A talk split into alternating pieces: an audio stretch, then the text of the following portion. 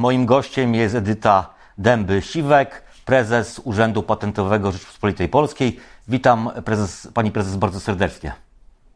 Dzień dobry, witam serdecznie. Pani prezes, czy Polska, Polacy są narodem wynalazców?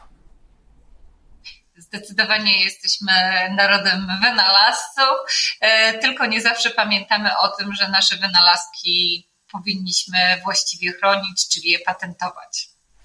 A ile wynalazków wymyślają Polacy rocznie? Czy pani jest w stanie powiedzieć, jak, jak to wygląda? Ile wymyślają wynalazków, nie jestem w stanie powiedzieć, jestem powiedzieć w stanie, ile zgłaszają do urzędu. Zgłaszają, dokładnie tak, no bo tak to można, tak to można sprawdzić dokładnie. Jaka, jakie to są liczby?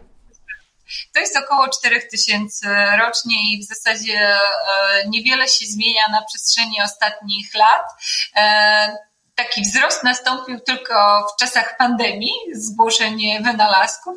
Ja myślę, że wynikało to z trochę większej liczby wolnego czasu, który miały osoby fizyczne i faktycznie weszły do tego przysłowiowego garażu i stwierdziły, że no to teraz popracuję, pomajsterkuję i czasami z, tych, z tego majsterkowania naprawdę wychodzą dobre rozwiązania, dobre wynalazki, które później można chronić patentami. Czyli, czyli wolny czas jednak sprzyja postępowi, jak widać.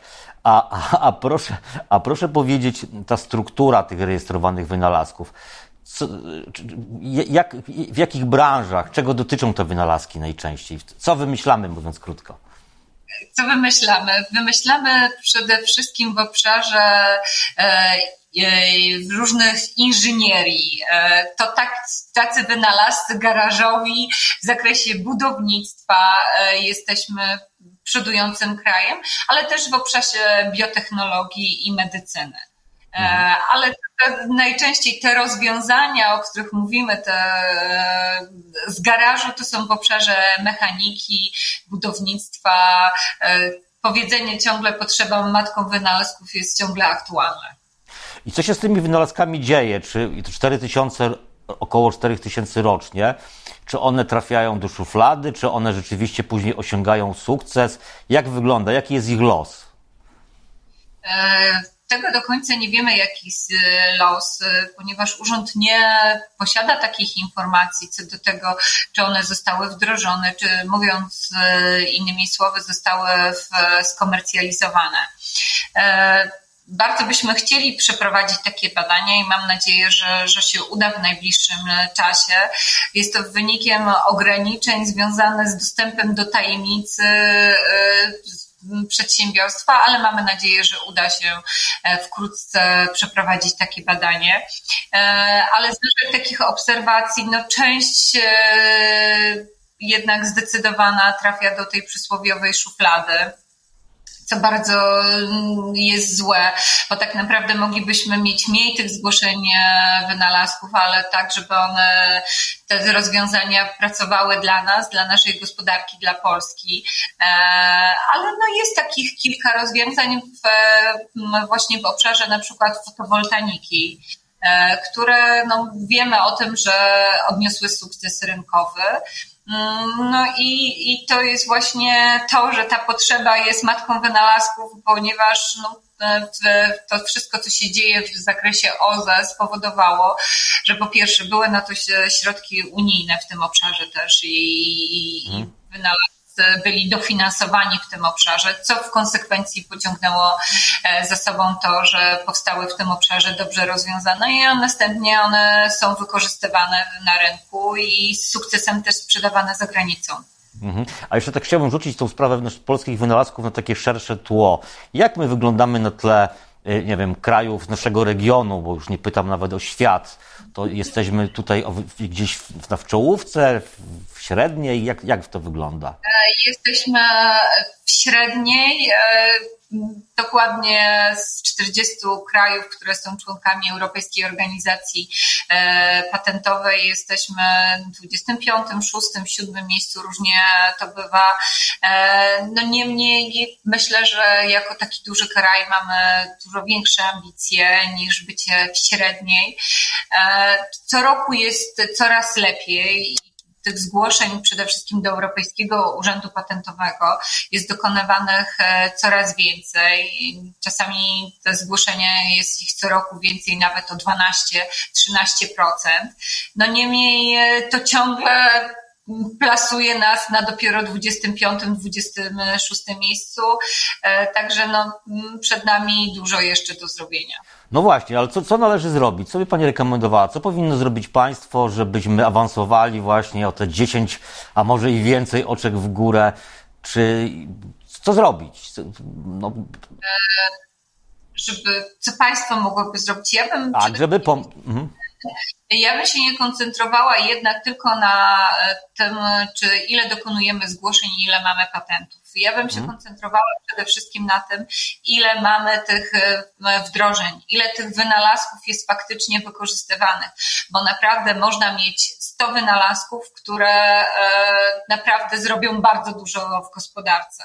Hmm. Najlepszy przykład z Finlandii, tam większość wynalazków, zgłoszeń wynalazków jest z jednej firmy, wszyscy pewnie wiemy o jakim mówię i ta firma generuje olbrzymie procent fińskiego PKB Mhm. E, o takich wynalazkach myślę i o takich rozwiązaniach i namawiałabym do tego, żeby powstało przede wszystkim jakieś globalne, technologiczne przedsiębiorstwo, bo jeżeli mhm. popatrzymy na to, e, gdzie ta gospodarka jest najbardziej innowacyjna, i gdzie jest też tym samym najwięcej zgłoszeń, to jest w tych e, krajach, w których jest jakiś duży, globalny, technologiczny gracz. E, bo jedna z największych niemieckich firm w zasadzie dokonuje tyle zgłoszeń do Europejskiego Urzędu Patentowego, ile u nas jest dokonywanych rocznie. Ale to jest po prostu, musi być duża technologiczna firma globalna.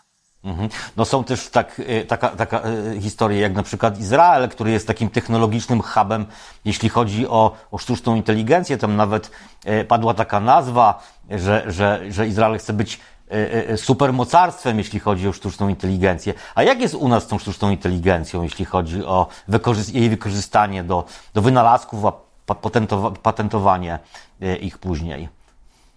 I to jest właśnie to, e, na co chciałam zwrócić uwagę, że nie ma co się koncentrować tak na, właśnie na liczbie zgłoszeń e, patentowych, bo właśnie sztuczna inteligencja często nie może być patentowana. Mhm. E, te wynalazki, bo to są zazwyczaj programy komputerowe, które co do zasady się ich nie patentuje. A no, wszyscy wiemy doskonale, że sztuczna inteligencja jest e, przyszłością i w zasadzie w tych wszystkich nowoczesnych rozwiązaniach ten element sztucznej inteligencji e, będzie się znajdował albo już się znajduje. Mhm. W naszym kraju my naprawdę mamy świetnych informatyków, doskonałych, e, tylko niech one nie zostaną w Polsce, e, a niech nie wyjeżdżają za granicę, bo myślę, że to jest największy nasz problem, e, a jeszcze pomogła w tym praca zdalna, bo mogą często być, pozostawać w Polsce, a pracować dla firm całym świecie, bo tu już nie, nie ograniczam nawet do Europy. E, I myślę, że to jest nasza przyszłość, że mając taką bazę dobrą informatyków, powinniśmy się skupić między innymi, a może nawet przede wszystkim na sztucznej inteligencji. No właśnie, ale co zrobić, żeby oni nie wyjeżdżali, czy nawet y, nie pracowali zdalnie gdzieś tam do, dla firmy, która zajmuje się, znajduje się po drugiej stronie oceanu na przykład? Co należy e, zrobić? No, niestety ten czynnik ekonomiczny w postaci wysokości wynagrodzenia jest e, niestety tym czynnikiem, który ma charakter decydujący, ale nie jest też e, jedynym czynnikiem. W momencie, kiedy stworzy się odpowiednie warunki dla e, polskich informatyków, i inżynierów.